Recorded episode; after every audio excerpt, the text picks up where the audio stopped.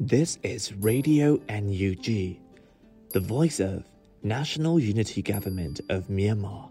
broadcasting for Myanmar Spring Revolution. Radio NUG is transmitting from shortwave 16 meter 17.71 megahertz at 8 a.m. and 25 meter 11.965 megahertz at 8 p.m. Myanmar Standard Time. မင်္ဂလာပါခင်ဗျာအမျိုးသားညီညွတ်ရေးအစိုးရရဲ့အတန်လွင့်ဌာန Radio NUG ကိုမနက်၈နာရီမှလိုင်းတို16မီတာ7.3 MHz ညပိုင်း၈နာရီမှလိုင်းတို25မီတာ17.665 MHz တို့မှာဓာတ်ရိုက်ဖမ်းယူနားဆင်နိုင်ပါပြီ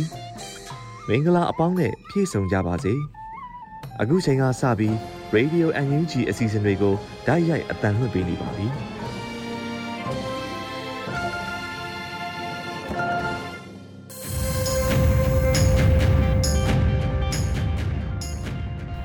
မြန်မာနိုင်ငံသူနိုင်ငံသားအပေါင်းတဘာဝပင်စစ်အာဏာရှင်ဘေးတို့ကနေကင်းဝေးပြီးကိုစိတ်နှပါကျမ်းမာလုံခြုံကြပါစေလို့ရေဒီယိုအန်ယူဂျီအဖွဲ့သားများကဆုတောင်းမေတ္တာပို့သလိုက်ရပါတယ်ရှင်။အခုချိန်မှစပြီးကာကွယ်ဝိညာဉ်ဌာနမှထုတ်ဝေသောစစ်ရေးတရေအကျဉ်းချုပ်ကိုတင်ဆက်ပေးသွားမှာဖြစ်ပါတယ်ရှင်။မြို့သားညီညွတ်ရေးအစိုးရကာကွယ်ရေးဝန်ကြီးဌာနမှထုတ်ဝေတဲ့နိုင်စဉ်စစ်ရေးတရင်ချင်းချုပ်ကိုတင်ဆက်ပေးမှာဖြစ်ပါတယ်။ ကျွန်တော်ဟိန်းကိုကိုပါစစ်ကောက်စီနဲ့တိုက်ပွဲဖြစ်ပွားမှုတည်င်းများအနေနဲ့ကြားပြည်နယ်မှာဒီဇင်ဘာလ10ရက်နေ့မနက်10:20ခန့်ကဒီမော့ဆိုမြို့နယ်ခြေတော်ရဖျားတောင်တဲတောင်နဲ့ထူလီပီလာကျေးရွာပိုင်း cross town တို့မှာစစ်ကောင်စီတပ်မှစစ်ကြောင်းထိုးလာသဖြင့်စစ်ကောင်စီတပ်နဲ့ KNDF တို့တိုက်ပွဲဖြစ်ပွားခဲ့ပါတယ်။ချစ်ပြည်နယ်မှာဒီဇင်ဘာ10ရက်နေ့ကထန်တလန်မြို့မှာစစ်ကောင်စီတပ်မှ AG ဖျားကျောင်းကိုမီးရှို့ရန်ကြိုးစားနေစဉ် CDF နှင့်စစ်ကောင်စီတပ်တို့အပြန်အလှန်ပစ်ခတ်ရာစစ်ကောင်စီတပ်သားများအကြအဆုံးများနိုင်ပြီး CDF ဘက်မှရဲဘော်3ဦးကြာဆုံးက4ဦးဒဏ်ရာရခဲ့ပါတယ်။ Sky Time မှာ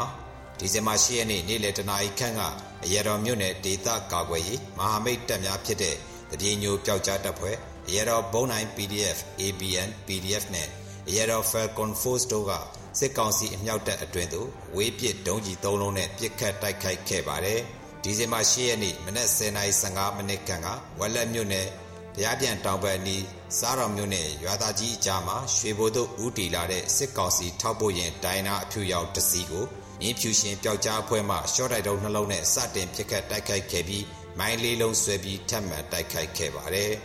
။မကွေးတိုင်းမှာ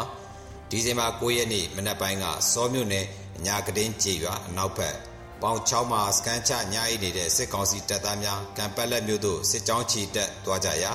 6မိုင်လမ်းခွဲအနီးမှာ CDF နဲ့ PDF များပူးပေါင်းအဖွဲ့မှစောင့်ကြိုမိုင်းဆွဲတိုက်ခိုက်ခဲ့ပါတယ်။တနင်္သာရီတိုင်းမှာဒီဇင်ဘာ9ရက်နေ့မနက်10:00နာရီခွဲကတရက်ချောင်းမြို့နယ်ပိန်တော်ရွှေကူတောက်ထိန်တောင်နီးတရက်နှစ်ခွနဲ့ ပန်းပြင်ကြားမှာတဝဲမှရိတ်ခါတဲလာတဲ့စစ်ကောင်စီရင်နှန်းကိုတဝဲခရိုင်ပြည်သူ့ကာကွယ်ရေးပူးပေါင်းတပ်သားများမှမိုင်းဆွဲတိုက်ခိုက်ခဲ့ပါတယ်။စစ်ကောင်စီကကျူးလွန်တဲ့ရာဇဝတ်မှုတွေကတော့မွန်ပြည်နယ်မှာဒီဇင်ဘာ9ရက်နေ့ည7:00နာရီခန့်ကရေးမြို့နယ်အောင်တပြေကျေးရွာမှာစစ်ကောင်စီတပ်သားများတနက်ပစ်ဖောက်ပြီးနေအိမ်ချို့ကိုမီးရှို့ခဲ့ရာနေအိမ်နှလုံးမီးလောင်ပျက်စီးခဲ့ပါတယ်။ဒီဇင်ဘာ9ရက်နေ့ည9:15မိနစ်ခန့်ကအတန်ဖြူစရဲမြို့ ကြက်ခိုင်ရက်ွက်ထိတ်တန့်ရချက်စက်ရုံရှိပါဆိုင်ကယ်စီးနှင်းလာသူဦးသားငယ်ကိုစစ်ကောင်စီများမှအကြောင်းမဲ့ပြစ်ခတ်သွားရာနောက်ကျောမှတနက်ထိမှန်ခဲ့ပြီးဆေးရုံအရောက်မှာတေဆုံးသွားကြောင်းသိရပါတယ်။ကြားပြည်နယ်မှာဒီဇင်ဘာ9ရက်နေ့မနက်10:00နာရီခန့်ကဖရူဆိုမြို့နယ်နန်းဖဲတော်ခုတစ်ကျေးရွာမှာစစ်ကောင်စီတပ်များစစ်ကြောင်း၃ကြောင်းနဲ့ရွာထဲတွင်တက်ဆွဲပြီးနေအိမ်တစ်လုံးကိုမိရှို့ခဲ့ကြောင်းသိရပါတယ်။စကိုင်းတိုင်းမှာ ဒီဇင်ဘာ9ရက်နေ့မနက်7:00နာရီခန့်ကဝက်လက်မြို့နယ်ပင်စင်းကျေးရွာတွင်နေထိုင်တဲ့ကိုနိုင်စောအိမ်ကိုစစ်ကောင်စီနှင့်ရဲများဝင်မှွေပြီး PDF ဟုဆွဆွဲကဝက်လက်ရဲစခန်းသို့ဖမ်းဆီးခေါ်ဆောင်သွားခဲ့ပါတယ်။ဒီဇင်ဘာ9ရက်နေ့မနက်8:00နာရီခန့်ကအရတော်မြို့နယ်တလဲပါကျေးရွာမှပြူစောတိအဖွဲ့များစင်တလဲကျေးရွာသို့ရွာထဲမှတံပန်းလုပ်ငန်းလုပ်ကင်တဲ့နေအိမ်တစ်လုံးနဲ့အခြားနေအိမ်များကိုဝင်ရောက်ရှာဖွေကနေအိမ်များရှိတန်ဖိုးရှိအိမ်သုံးပစ္စည်းများကိုဖျက်ဆီးသွားခဲ့ပါတယ်။ ဒီဇင်ဘာ10ရက်နေ့က30မြို့နယ်လိတ်ချန်ကျေးရွာမှစင်းသင်းဘက်သို့သွားတဲ့စစ်ကောင်စီတပ်များမှရွှေကျင်တောတိုက်အတွင်းရှိအပြစ်မဲ့ပြည်သူ3ဦးကိုဖမ်းဆီးတပ်ဖြတ်ပြီးမြေမြုပ်အလောင်းဖြောက်ထားခဲ့သည့်အပြင်စစ်ကြောင်းတစ်လျှောက်လေတော့ရာတော်များမှတဲများကိုလည်းမီးရှို့ဖျက်ဆီးသွားခဲ့ပါတယ်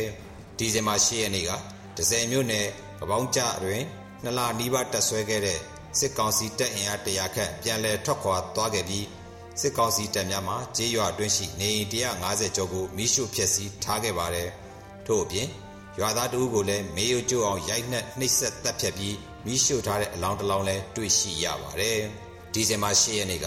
တပ်ပြေးမြို့နယ်ငကားတွင်ကျေးရွာမှာတပ်ဆွဲထားတဲ့စစ်ကောင်စီတပ်မှပြည်သူ3ဦးအားပစ်တက်ခဲ့တဲ့ပြင်2ဦးသေဆုံးပြီး2ဦးဒဏ်ရာရရှိခဲ့ပါတယ်။ဒီဇင်ဘာ10ရက်နေ့ည9:00နာရီခန့်ကရေဦးမြို့နိုင်စင်နီး အာယုစေးတိုက်သို့စစ်ကောင်စီတပ်အင်အား30ခန့်နဲ့ဝင်ရောက်ရှာဖွေခဲ့ပြီးအာယုစေးတိုက်ပိုင်ရှင်၏သမီးဖြစ်သူ CDM ဒေါက်တာဒေါ်တီတာဝင်းညွန့်နဲ့၎င်း၏အမျိုးသားကိုဖမ်းဆီးသွားခဲ့ပါတယ်။ဒီဇင်ဘာ10ရက်နေ့ကရေတော်မြို့နယ်စင်တလဲကျေးရွာနဲ့မူးမြစ်အရှိဘက်ကကျေးရွာမှပြည်သူများကိုတူကိုဒပူးပေါင်းဆောက်လုပ်ထားတဲ့မူးမြစ်ကူတရားကိုစစ်ကောင်စီခန့်အုပ်ချုပ်ရေးမှုအမိန့်ဟုဆိုကာပြူစောတိများမှဖျက်ဆီးခဲ့ပါတယ်။မန္တလေးတိုင်းမှာ ဒီဇင်ဘာ9ရက်နေ့နေ့လယ်4နာရီခွဲခန့်ကမိုးကုတ်မြို့အောင်မြေဒုက္ခရက်ရွာလဲရေကန်နီးအိမ်တိန်ကိုစစ်ကောင်စီများဝင်ရောက်စီးနင်းရှာဖွေခဲ့ပြီးလူငယ်တဦးကိုအကြမ်းဖက်ဖမ်းဆီးသွားခဲ့ပါတယ်။ဒီဇင်ဘာ10ရက်နေ့ညနေ4နာရီခန့်ကမိထီလာမြို့နယ်မိထီလာအာတကနှစ်ရှေ့မှာအကြမ်းဖက်စစ်ကောင်စီများမှစိုက်ကယ်စီးလာတဲ့လူငယ်တဦးကိုတာယာမရက်ပေးသောကြောင့်တနက်နဲ့ပြစ်ခတ်သဖြင့်တေဆုံးခဲ့ပါတယ်။ဒီဇင်ဘာ10ရက်နေ့ညနေ6နာရီခန့်ကကြောက်ပရောင်းမြို့မှာ ပုတ်ပါအထွက်ဘောလုံးကွင်းရှိစစ်စေးရေးဂိတ်မှာရွှေနောက်ဆန်းကြေးရွာသား2ဦးကိုအကြမ်းဖက်စစ်ကောင်စီများမှဖမ်းဆီးသွားခဲ့ပါတယ်။အကွေးတိုင်းမှာ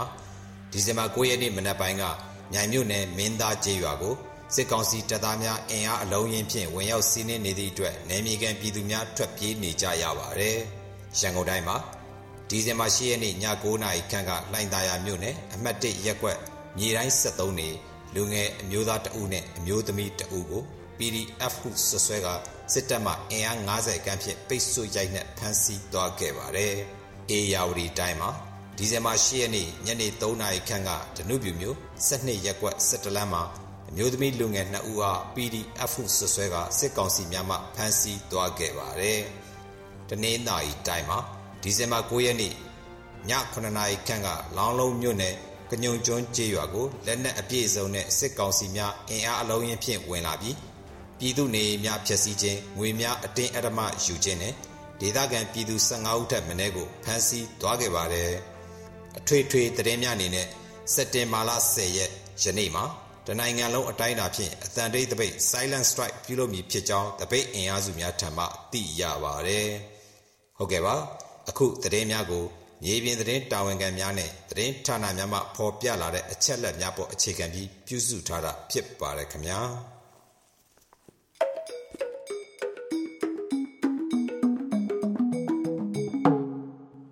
Radio NUG မှာဆက်လက်အသံလွှင့်နေပါတယ်။အခုဆက်လက်ပြီးပြည်တွင်းသတင်းများကိုຫນွေဦးနှင်းစီမှတင်ဆက်ပေးမှာဖြစ်ပါတယ်ရှင်။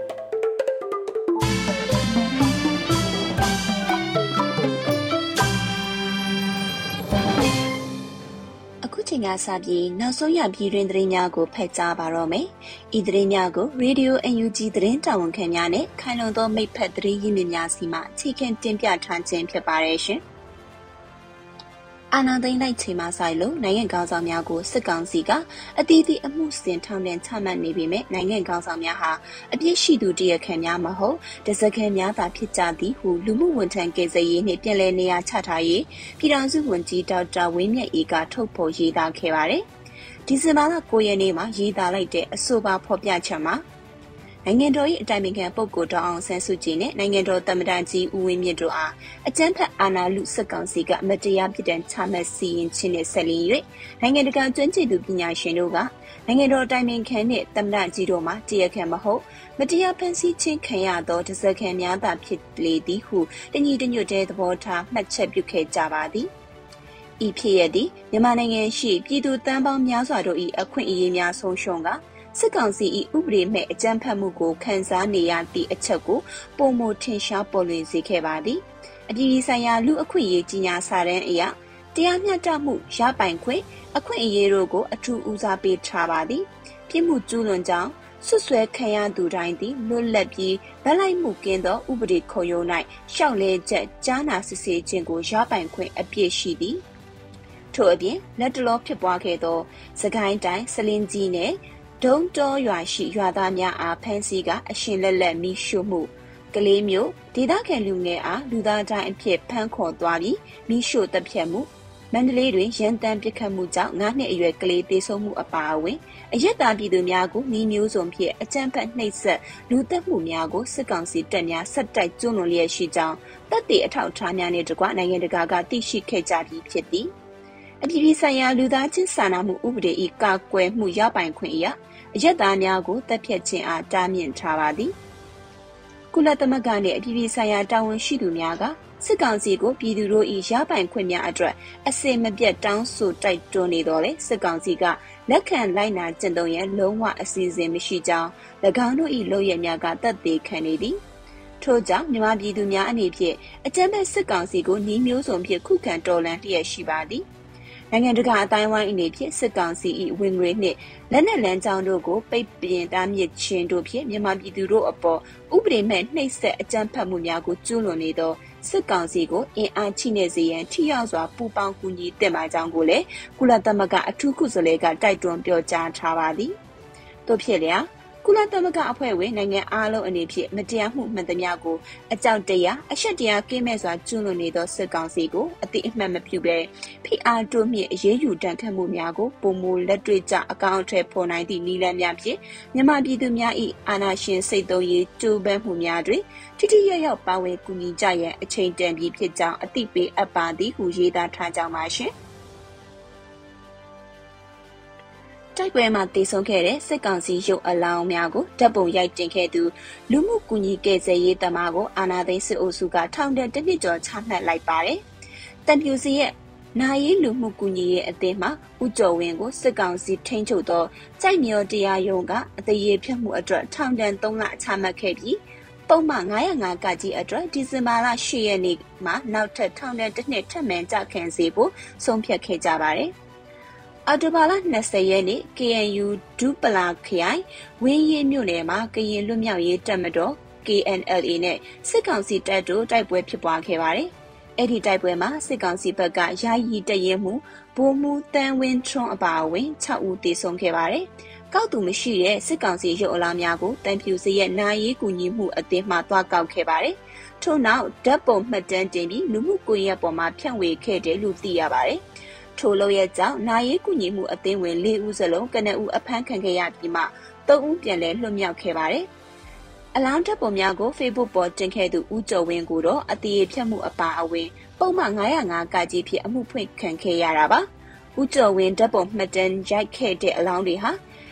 အဲ့အမဲဖြစ်ထုတ်ပိုးပြီးသားအခြေအနေဖြစ်ပြီးတုတ်တန်မှာချထားတဲ့ရုပ်အလောင်းတွေမှာလည်းလူပုံမီမီရပဲ တာမယ်လူရိုးလို့စင်လူမှုကူညီရေးအသင်းတွေရဲ့တာမယ်ဓာတ်ပုံဖြစ်တာမှတ်တမ်းဓာတ်ပုံအရမြင်ရပါတယ်။ဦးကျော်ဝင်းကိုအသေးဖြတ်မှုအတွက်ပြီးခဲ့တဲ့အောက်တိုဘာလနောက်ဆုံးအပတ်မှာထောင်ဒဏ်3လချမှတ်ခဲ့ပါတယ်။905ကကြီးအမှုကိုတော့ဒီကနေ့ဒီဇင်ဘာလ10ရက်နေ့မှာကြိုက်မြောဗဟိုအကျဉ်းထောင်ရှိစစ်ကောင်စီအာဏာသိမ်းထားတဲ့အထူးတရားရုံးမှာထောင်ဒဏ်တစ်နှစ်ထပ်မံအမိန့်ချခဲ့တာပဲဖြစ်ပါတယ်။ ဦးကျော်ဝင်းဟာစစ်ကောင်စီအာဏာသိမ်းပြီးနောက်မတရားဆွဆွဲခံရပြီးမွန်ပြည်နယ်မှာပထမဆုံးပြည်တံချမှတ်ခံရတဲ့လူမှုကူညီရေးအသင်းဝင်တဦးလည်းဖြစ်ပါတယ်။အာနာသိန်းစစ်ကောင်စီဟာတိုက်ပွဲတိုင်းမှာတေဆုံးသွားတဲ့၎င်းတို့စစ်တပ်ကအလောင်းအရေးအတွက်နဲ့ကောက်သူမဲ့တဲ့ရုပ်အလောင်းတွေကိုပွင့်လင်းမြင်သာမှုမပြပါဘူး။ကဘာကမြင်ခဲ့ရတဲ့ကြီးပြင်းတိုင်းကဖြစ်စင်မှာလဲလူအုပ်စုအားကားနဲ့အကြမ်းဖက်တိုက်တက်သည့်အကြောင်းကိုဖုံးကွယ်ထားခဲ့ကြပါတယ်ရှင်။ မြမတစ်လုပ်ငန်းကကျွန်းတစ်လုံး1800တန်အပါအဝင်တစ်တန်ကြီး12000ကျော်ရောင်းချသွားမယ့်သတင်းကိုတင်ဆက်ပေးပါမယ်။မြမတစ်လုပ်ငန်း MTE ကရန်ကုန်ကျွန်းတစ်လုံးတန်ချိန်1800အပါအဝင်တစ်မာတစ်လုံးတစ်ခွဲသားတန်ချိန်12050ရောင်းချဖို့တင်တာဖိတ်ခေါ်ထားပါတယ်။အဆိုပါတစ်ကုန်ကျန်ရောင်းချမှုကိုမြမတစ်လုပ်ငန်းလက်အောက်ရှိပြည်ပရောင်းဝယ်ရေးနဲ့တစ်ဆက်ဌာနကတာဝန်ယူဆောင်ရွက်နေခြင်းဖြစ်ပြီးရန်ကုန်ကျွန်းတစ်လုံးတန်ချိန်1800အပြင်တစ်မာတစ်လုံး နေရန်ကုန်တန်ချိန်1000ခန့်ကျွန်းခွဲသားပြပရောင်တစ်အခြေခံတန်250ခန့်ပါဝင်တယ်လို့ MTE ကကြေညာထားပါတယ်။ဒီဇင်ဘာလ15ရက်နေ့မှ30ရက်နေ့အထိနှစ်ပတ်ခန့်အကြာအင်းစိန်မြို့နယ်ကျုပ်ကုန်းကမြန်မာတစ်လုံငယ်ရုံချုပ်တော်ဝင်ခမ်းမမှာရောင်းချသွားမယ်လို့သိရပါတယ်။ဒါအပြင်တတိယအကြိမ်ရောင်းချမှုအဖြစ်စက်မှုကုန်ကျန်းအတွက်အသုံးပြုတဲ့ကျွန်းတစ်မှာတစ်လုံးတစ်ခွဲသား 18634တန်ကိုလည်း COVID-19 စီကံချက်များတဲ့အညီ online စနစ်နဲ့ရောင်းချသွားဖို့တင်ဒါဖိတ်ခေါ်ထားပါတယ်။အဆိုပါစက်မှုကုန်ကျန်းတစ်လုံးတစ်ခွဲသားတွေကိုစကိုင်းပဲခူးမကွေမန္တလေးတနင်္သာရီအေရဝတီရှမ်းတောင်ရှမ်းမြောက်နဲ့ရခိုင်ပြည်နယ်တို့မှာဒီဇင်ဘာလ21 22တို့မှာရောင်းချသွားမယ်လို့ကြေညာထားပါတယ်။ တယံဇာတာနှင့်တဘာဝပတ်ဝန်းကျင်ထိန်းသိမ်းရေးဝန်ကြီးဌာနအနေနဲ့ COVID-19 ကပ်ရောဂါကြောင့်2020-21ဘဏ္ဍာနှစ်မှာကျွန်းနဲ့တက်မာတက်လုံးတွေကိုလစဉ်တန်တာရောင်းချနိုင်မှုမရှိခဲ့ခြင်းတစ်ဈေးကွက်မကောင်းမွန်ခဲ့ခြင်းတစ်အခြေခံစက်ယုံဖွင့်လှစ်ဖို့ကန့်သက်ချက်တွေရှိခဲ့ခြင်းတို့ကြောင့်ကျွန်းတက်မာထုတ်လုပ်မှုကို2021-2022ဘဏ္ဍာနှစ်တစ်ထုတ်ရသည်မှာတစ်နှစ်ရပ်နားဖို့ကြေညာထားပါတယ် ဒုဝန်ကြီးဖြစ်သူဦးမမင်းဦးကလာမယ့်2023ခုနှစ်မှာအခြေခံအဆင့်ခွဲစိတ်ထားတဲ့တစ်ခွဲသားတွေကိုပြည်ပနိုင်ငံတွေထံရောင်းချခွင့်မပြုတော့ဘူးလို့ပြီးခဲ့တဲ့ဩဂုတ်လမှာပြောကြားထားပါတယ်။တဝက်တစ်ပြက်ကုံကျော် semi finish နဲ့ကုံကျော် finish တွေကိုသာပြည်ပတင်ပို့ခွင့်ပြုခြင်း2023ခုနှစ်ဇန်နဝါရီလ1ရက်နေ့မှာစတင်ကျင့်သုံးဆောင်ရွက်သွားမယ်လို့သူကဆိုပါတယ်။ စစ်ကောင်စီလက်အောက်ခံစီးပွားရေးနဲ့ကုသရေးဝယ်ရေးဝန်ကြီးဌာန MOC ရဲ့အချက်အလက်တွေအရပြီးခဲ့တဲ့2019-2020ဘဏ္ဍာနှစ်မှာတစ်တော်ထရပ်ပစ္စည်းတင်ပို့မှုကနေ American Dollar 154.36တန်ရရှိခဲ့တယ်လို့သိရပါတယ်ရှင်။ကျွန်မကတော့ຫນွေဦးနှင်းစီပါရှင်။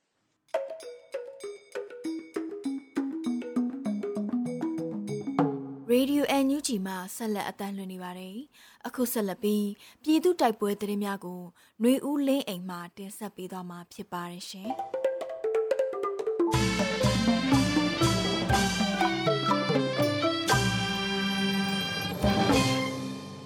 ပထမဆုံးအနေနဲ့ရင်းမပင်တေပင်ကန်ရွာအနီးမှာစစ်ကောင်စီရှင်ကို Triple 2အဖွဲ့ကမိုင်းလုံး30ဆွဲပြီးတိုက်ခိုက်ရာစစ်ကောင်စီတပ်ဖွဲ့ဝင်10ဦးထပ်မံတေဆုံးခဲ့တဲ့ဆိုတဲ့သတင်းကိုတင်ဆက်ပေးမှာပါ။ စကိုင်းတိုင်းစလင်းကြီးမြို့နယ်ဘက်မှထွက်ခွာလာတဲ့စစ်ကောင်စီရှင်တစည်းကိုရင်းမပင်မြို့နယ်တဲပင်ကန်ကျေးရွာအနီးမှာ Triple 2အဖွဲ့နဲ့ဒေသကာကွယ်ရေးမဟာမိတ်အဖွဲ့တွေကဒီဇင်ဘာလ10ရက်နေ့နက်9နာရီခွဲခန့်မှာမိုင်းအလုံး30ဆွဲပြီးတိုက်ခိုက်ခဲ့ရာစစ်ကောင်စီတပ်ဖွဲ့ဝင်10ဦးထပ်မံတေဆုံးနိုင်ကြောင်း Triple 2အဖွဲ့ကသတင်းထုတ်ပြန်ပါတယ်။မိုင်းဆွဲတိုက်ခိုက်မှုတွင်စစ်ကောင်စီတပ်ဖွဲ့ဝင်10ဦးကျော်တေဆုံးနိုင်ကြောင်း ဒုံတော်ကျေးရွာသွေးကြီးအတွက်လက်တဆစ်စာပြန်တောင်းခြင်းဖြစ်ကြောင်း Triple 2အဖွဲ့ကထုတ်ပြန်ထားပါတယ်။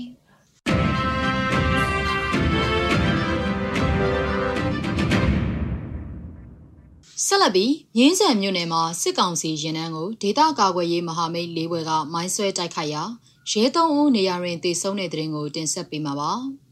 မန္တလေးတိုင်းမြင်းချံမြို့နယ်စီမီကုံမြို့မှာထွက်ခွာလာတဲ့အကြမ်းဖက်စစ်ကောင်စီကားတစ်စီးနဲ့စိုက်ကယ်၃စီးကို နတလိုင်ရွာနဲ့ငနန်းကျေးရွာကြားချောင်းကူတရာတွင်ဒီဇင်ဘာလ10ရက်ယမန်နေ့နနက်8:45မိနစ်ခန့်ကဒေသကာကွယ်ရေးမဟာမိတ်လေးဘွဲကမိုင်းဆွဲတိုက်ခိုက်ခဲ့ပြီးစိုက်ကယ်၃စီးပျက်စီးကရဲတပ်သား၃ဦးနေရာတွင်တေဆုံးကြောင်းညောင်မြို့နယ် TGR ပြည်သူ့ကာကွယ်ရေးတပ်ဖွဲ့ကသတင်းထုတ်ပြန်ပါတယ်။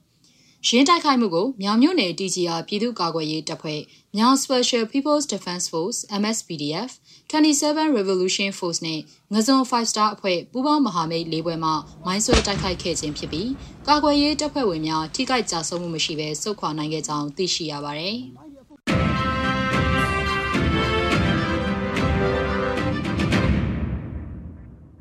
ဆက်လက်တင်ဆက်ပေးမှာကတော့ KNU နဲ့အတူ PDF များစတင်ပူးပေါင်းပြီးစစ်တပ်ကိုတိုက်ပွဲဝင်နေပြီလို့တရားဝင်သတင်းထုတ်ပြန်တဲ့သတင်းမှာကရင်ပြည်နယ်မှာ KNU ကရင်အမျိုးသားအစည်းအရုံးနဲ့အတူ PDF များပူးပေါင်းပြီးအကြမ်းဖက်စစ်တပ်ကိုတိုက်ပွဲဝင်နေပြီဖြစ်ကြောင်း KNU ဗဟိုကယနေ့တရားဝင်သတင်းထုတ်ပြန်ပါတယ်။ ဒီဇင်ဘာလ6ရက်နေ့မှာအာနာသိန်းစစ်ကောင်စီရဲ့တပ်ဖြစ်တဲ့ခမာယ400ခွန်ရဲ့စစ်ကြောင်းတစ်ကြောင်းကမထောကျေးရွာကိုစတင်ထွက်ခွာလာရာမြင်းဒီကုန်းနဲ့ထီးကလူကြားအရောက်တွင် KNLA ကရင်အမျိုးသားလွတ်မြောက်ရေးတပ်မတော်အမှတ်9တပ်မဟာလက်အောက်ရှိတပ်သားများကဆွဲမိုင်းဖြင့်ကြားဖြတ်တိုက်ခိုက်ရာအာနာသိန်းစစ်ကောင်စီရဲ့တပ်ဗမာတအူးသေဆုံးပြီးတအူးဒဏ်ရာရရှိကြောင်းထိုနေ့တရက်ထဲမှာပင် KNLA ကရင်အမျိုးသားလွတ်မြောက်ရေးတပ်မတော်နဲ့ PDF များပူးပေါင်းကညနေ2:30မိနစ်အချိန်ခန့်မှာအဆိုပါအာနာသိန်းစစ်ကောင်စီရဲ့စစ်ကြောင်းကိုပင်ပျောက်ကြားနေတဲ့ဝင်ရောက်ပစ်ခတ်ရာအာနာသိန်းစစ်ကောင်စီရဲ့တပ်ပမ၄ဦးသေဆုံးပြီး6ဦးဒဏ်ရာရရှိသွားကြောင်းနဲ့ KNL ကရင်အမျိုးသားလွတ်မြောက်ရေးတပ်မတော်ဘမှ3ဦးဒဏ်ရာရရှိသွားကြောင်း KNU ဗဟိုဘက်ကထုတ်ပြန်ထားတာပါ။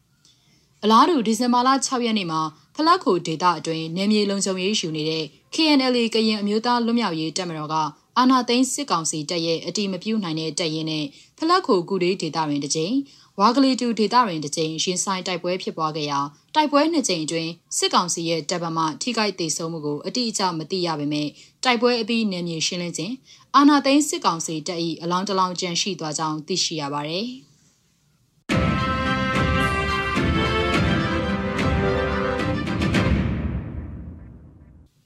နောက်ဆုံးအနေနဲ့အမျိုးသားညီညွတ်ရေးအစိုးရပြည်ထရေးနဲ့လူဝင်မှုကြီးကြပ်ရေးဝန်ကြီးဌာနကဒီဇင်ဘာ9ရက်ရက်စွဲနဲ့ထုတ်ပြန်တဲ့ပြည်သူ့ခုခံတော်လှန်စစ်တရင်အချက်လက်တွေကိုတင်ဆက်ပေးသွားမှာပါ။အာနာသိန်းအကြမ်းဖက်ဆေးအုပ်စုရဲ့ပြည်သူလူထုအပေါ်အကြမ်းဖက်ဖိနှိပ်ဖန်ဆီးတိုက်ခိုက်တပ်ဖြတ်နေမှုတွေကိုပြည်သူလူထုတရက်လုံးကအသက်ရှင်တန်ရေးအတွက်မိမိကိုယ်ကိုမိမိခုခံကာကွယ်ပိုင်ခွင့်အရာပြည်သူခုခံစစ် People's Defensive Force ကိုဆင်နွှဲလျက်ရှိပါတယ်။သတင်းချက်လက်များအရ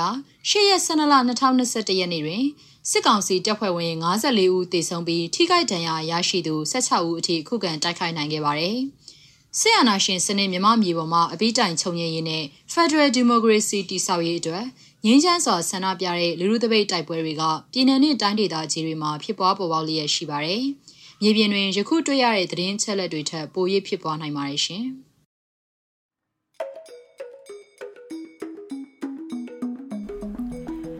Radio NUG မှာဆက်လက်အသံလွှင့်နေပါတယ်။အခုဆက်လက်ပြီးနေ့စဉ်သတင်းတင်ဆက်မှုကိုမတ်ထထအိန္ဒြအောင်မှတင်ဆက်ပေးမှာဖြစ်ပါတယ်ရှင်။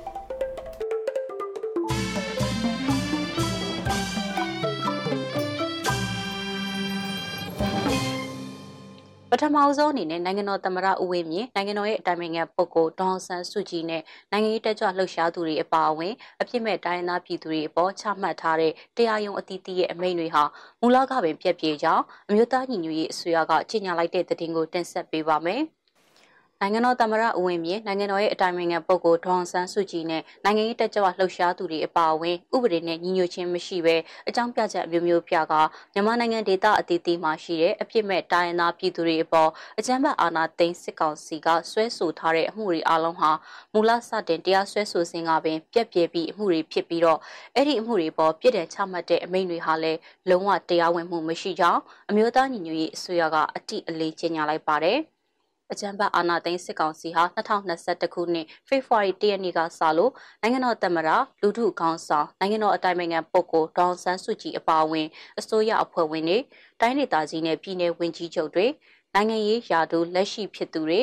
ဒီမိုကရေစီနီးကျရွေးချယ်တင်မြှောက်ထားတဲ့လွှတ်တော်ကိုယ်စားလှယ်တွေနဲ့အပြစ်မဲ့တိုင်းရင်းသားပြည်သူတွေကိုဥပဒေမဲ့ဖမ်းဆီးချုပ်နှောင်တာညှဉ်းပန်းနှိပ်စက်တပ်ဖြတ်တာမဟုတ်မမှန်ဆွဆွဲပြီးတရားစွဲဆိုအပြစ်ပေးတာတွေကိုကျူးလွန်ခဲ့တယ်လို့ကြေညာချက်မှာဖော်ပြထားပါတယ်။ ကျမ်းပတ်အာဏာသိမ်းစစ်ကောင်စီဟာနိုင်ငံတကာမှာကျင့်သုံးနေတဲ့ဒီမိုကရေစီကျင့်စဉ်တွေနဲ့နိုင်ငံတော်ရဲ့တည်ဆဲဥပဒေတွေကိုဖောက်ဖျက်ကျူးလွန်ပြီးနိုင်ငံတော်အာဏာကိုအကြမ်းဖက်သိမ်းယူခဲ့တာဟာနိုင်ငံတော်တစ္ဆာဖောက်ဖျက်ပုံကန့်မှုကြီးကိုကျူးလွန်ခဲ့ခြင်းဖြစ်တဲ့ပြည်ထောင်စုလွှတ်တော်ကိုစားပြုကော်မတီ CRPH နဲ့အမျိုးသားညီညွတ်ရေးအစိုးရအန်ယူချီတို့ကအကြမ်းဖက်စစ်ကောင်စီနဲ့အပေါင်းပါတွေကိုလက်နက်ကင်တောင်းချမ်းနေသူတွေဖြစ်တာကြောင့်အကြမ်းဖက်အုပ်စုအဖြစ်အတိအလင်းထုတ်ပြန်ကြေညာခဲ့ပြီးလဲဖြစ်ကြောင်းပါဝင်ပါတယ်။ ဒါအတူပဲအကြမ်းဖက်အာဏာသိမ်းစစ်ကောင်စီရဲ့လက်အောက်မှာတရားမဝင်တာဝန်ထမ်းဆောင်နေကြတဲ့တရားသူကြီးတွေဥပဒေအရာရှိတွေနဲ့ရဲတပ်ဖွဲ့ဝင်တွေဟာနိုင်ငံတော်တစ္ဆာဖောက်ဖျက်ပုံကန့်မှုကြီးကိုအားပေးကူညီကျူးလွန်ခြင်းဖြစ်ပြီးသူတို့ရဲ့လှုပ်ဆောင်ချက်များအလုံးကိုအမျိုးသားညီညွတ်ရေးအစိုးရတရားရေးဝန်ကြီးဌာနကပြဋ္ဌာန်းဥပဒေတွေနဲ့အညီပြင်းထန်စွာအရေးယူမှာဖြစ်တယ်လို့လည်းသတိပေးထားတာတွေ့ရပါတယ်။ မတရားသဖြင့်ဖမ်းဆီးအရေးယူအပြစ်ပေးခြင်းခံကြရတဲ့ပြည်သူလူထုအသီးသီးတို့ရဲ့လူအခွင့်အရေးနဲ့ဥပဒေအရအခွင့်အရေးဆုံးရှုံးနှိမ့်နာမှုတွေအတွက်အကြမ်းဖက်စစ်ကောင်စီမှလုံးဝတာဝန်ရှိပြီးဥပဒေမဲ့လှုပ်ဆောင်မှုအလုံးအတွက်စစ်ကောင်စီအဖွဲ့ဝင်တွေနဲ့တကွအပေါင်းပါရီအလုံးအပေါ်ပြင်းထန်ထိရောက်စွာအရေးယူအပြစ်ပေးသွားမှာဖြစ်တယ်လို့ထုတ်ပြန်ကြေညာချက်ထဲမှာထည့်သွင်းရေးသားထားတာကိုတွေ့ရပါတယ်။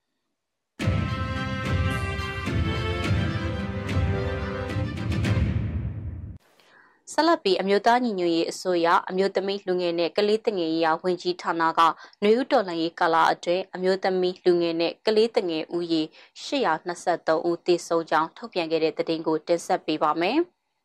ဒီဇင်ဘာလ9ရက်နေ့အထိရရှိသမျှသတင်းတွေအရ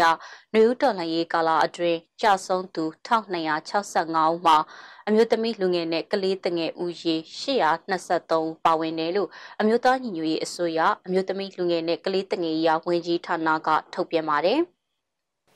ဖေဖော်ဝါရီလ၁ရက်ကနေစစ်ကောင်စီအာဏာသိမ်းလိုက်တဲ့နောက်ပိုင်းနယူးတော်လှန်ရေးကာလအတွင်းကလေးငယ်104ဦးသေဆုံးခဲ့ကသေဆုံးသူတွေရဲ့၈ဒသမ200ခိုင်နှုန်းဖြစ်တယ်လို့ဆိုပါတယ်။ဒီထဲမှာယောက်ျားလေး63ယောက်နဲ့မိန်းကလေး17ယောက်ပါဝင်ပါတယ်။ဒါပြင်နှွေးတော်လှန်ရေးကာလအတွင်းသေဆုံးသူလူငယ်ဦးရေ626ဦးရှိပြီးသေဆုံးသူတွေရဲ့49ဒသမ400ခိုင်နှုန်းရှိတယ်လို့ဆိုပါတယ်။ ကြာဆုံးခဲ့တဲ့လူငယ်တွေဟာအမျိုးသား991ယောက်နဲ့အမျိုးသမီး35ယောက်ဖြစ်တယ်လို့ဖော်ပြထားပါတယ်။တည်ဆုံးသူတွေအလုံးထဲမှာအမျိုးသမီးက9.3ခိုင်နှုန်းဖြစ်ပြီး63ယောက်တည်ဆုံးခဲ့တယ်လို့ NUG အစိုးရအမျိုးသမီးလူငယ်နဲ့ကလေးငယ်ရာဝန်ကြီးဌာနကထုတ်ပြန်ခဲ့တာဖြစ်ပါတယ်။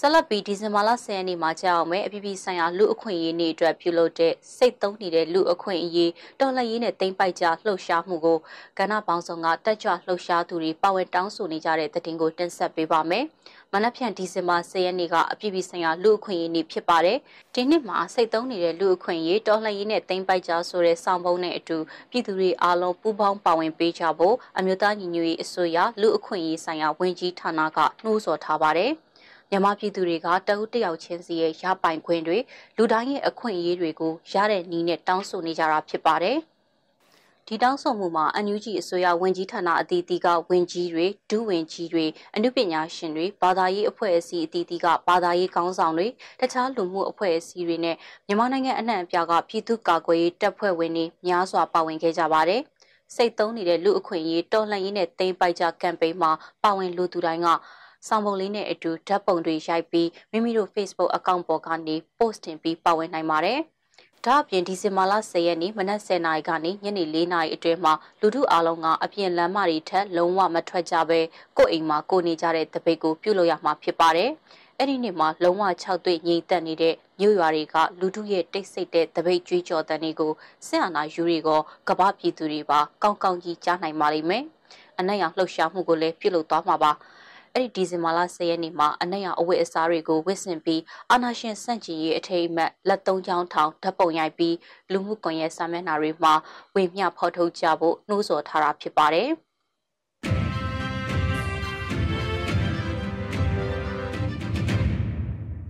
နိုင်ငံတော်ရဲ့တိုင်ပင်ခံပုဂ္ဂိုလ်ဒေါအောင်ဆန်းစုကြည်သမရအဝင်းမြင့်နဲ့တခြားပုဂ္ဂိုလ်တွေကိုထောင်ဒဏ်ချမှတ်ခြင်းအပေါ်အလို့စိုးရိမ်ပြီး မတရားဖမ်းဆီးထိန်းသိမ်းခံထားသူအလုံးကိုပြန်လွှတ်ပေးဖို့ကုလသမဂ္ဂလုံခြုံရေးကောင်စီကဒီဇင်ဘာလ10ရက်နေ့မှာထုတ်ပြန်ကြေညာလိုက်ပါတယ်။ကုလလုံခြုံရေးကောင်စီရဲ့အလှည့်ကျဥက္ကဋ္ဌဖြစ်တဲ့နိုင်ဂျာတအမတ်ကြီးအဗ်ဒူအဘရီကအဖွဲ့ဝင်15နိုင်ငံကိုစားဒီကြေညာချက်ကိုထုတ်ပြန်ခဲ့တာပါ။ Democratic Institution များလုပ်ငန်းစဉ်များကိုဆက်လက်လှုပ်ဆောင်ဖို့နဲ့လိုအပ်မှုကိုအလေးပေးဖို့ပြောဆိုခဲ့တာအပြင်ကုလသမဂ္ဂလုံခြုံရေးကောင်စီအဖွဲ့ဝင်နိုင်ငံတွေကမြန်မာဒီမိုကရေစီအသွင်ကူးပြောင်းရေးအတွက်ဆက်လက်ထောက်ခံကူညီမယ်လို့ပြောဆိုခဲ့ပါသေးတယ်။ဒါအပြင်အကြမ်းဖက်မှုတွေကိုရှောင်ကျဉ်ဖို့နဲ့မြန်မာပြည်သူလူထုစံနာအကျိုးစီးပွားနဲ့အညီအပြုသဘောဆောင်တွစ်ဆိုဆွေးနွေးရေးအမျိုးသားပြန်လည်တည်မြဲရေးဖော်ဆောင်ဖို့တိုက်တွန်းလိုက်ပါတယ်။ အာဏာသိမ်းစစ်ကောင်စီအနေနဲ့လူအခွင့်အရေးအပြင်ပြည်သူလူထုအခြေခံလွတ်လပ်ခွင့်တွေကိုပါအပြည့်အဝလေးစားဖို့နဲ့တရားဥပဒေစိုးမိုးရေးလှုံ့ဆော်ဖို့ကိုလည်းကုလလုံခြုံရေးကောင်စီကပြောဆိုထားပါတယ်။ဒီချင်းညချက်မှာကောင်စီအဖွဲ့ဝင်နိုင်ငံတွေကမြန်မာနိုင်ငံအချုပ်အခြာအာဏာနိုင်ငံရေးလွတ်လပ်မှုနယ်မြေစိုးမိုးရေးနဲ့ညီညွတ်မှုတို့အတွက်ကုလလုံခြုံရေးကောင်စီကခိုင်ခိုင်မာမာလှုံ့ဆော်ဖို့ထပ်မံဖော်ပြထားတာကိုလည်းတွေ့ရပါတယ်။ ဒီကနေ့ကတော့ဒီညနေပဲ Radio NUG ရဲ့အစီအစဉ်တွေကိုခਿੱတရနာလိုက်ပါမယ်မြန်မာစံတော်ချိန်မနက်၈နာရီနဲ့ညနေ၈နာရီအချိန်တွေမှာပြန်လည်ဆုံတွေ့ကြပါစို့ Radio NUG ကိုမနက်၈နာရီမှာလိုင်းတို16မီတာ7.3 MHz ညပိုင်း၈နာရီမှာလိုင်းတို25မီတာ17.665 MHz တို့မှာဓာတ်ရိုက်ဖမ်းယူနားဆင်နိုင်ပါပြီမြန်မာနိုင်ငံသူနိုင်ငံသားများကိုစိတ်နှပြကျန်းမာချမ်းသာလို့ ဘေးကင်းလုံခြုံကြပါစေလို့ Radio NUG အဖွဲ့သူအဖွဲ့သားများကဆုတောင်းလိုက်ရပါတယ်။အမျိုးသားညီညွတ်ရေးအစိုးရရဲ့စက်သွယ်ရေးတရင်အချက်အလက်နဲ့ဤပညာဝန်ကြီးဌာနကထုတ်လွှင့်နေတဲ့ Radio NUG ဖြစ်ပါတယ်။ San Francisco Bay Area အခြေစိုက်မြန်မာမိသားစုများနဲ့နိုင်ငံတကာကစေတနာရှင်များလှူအားပေးများရဲ့ Radio NUG ဖြစ်ပါတယ်။အရေးတော်ပုံအောင်ရမည်။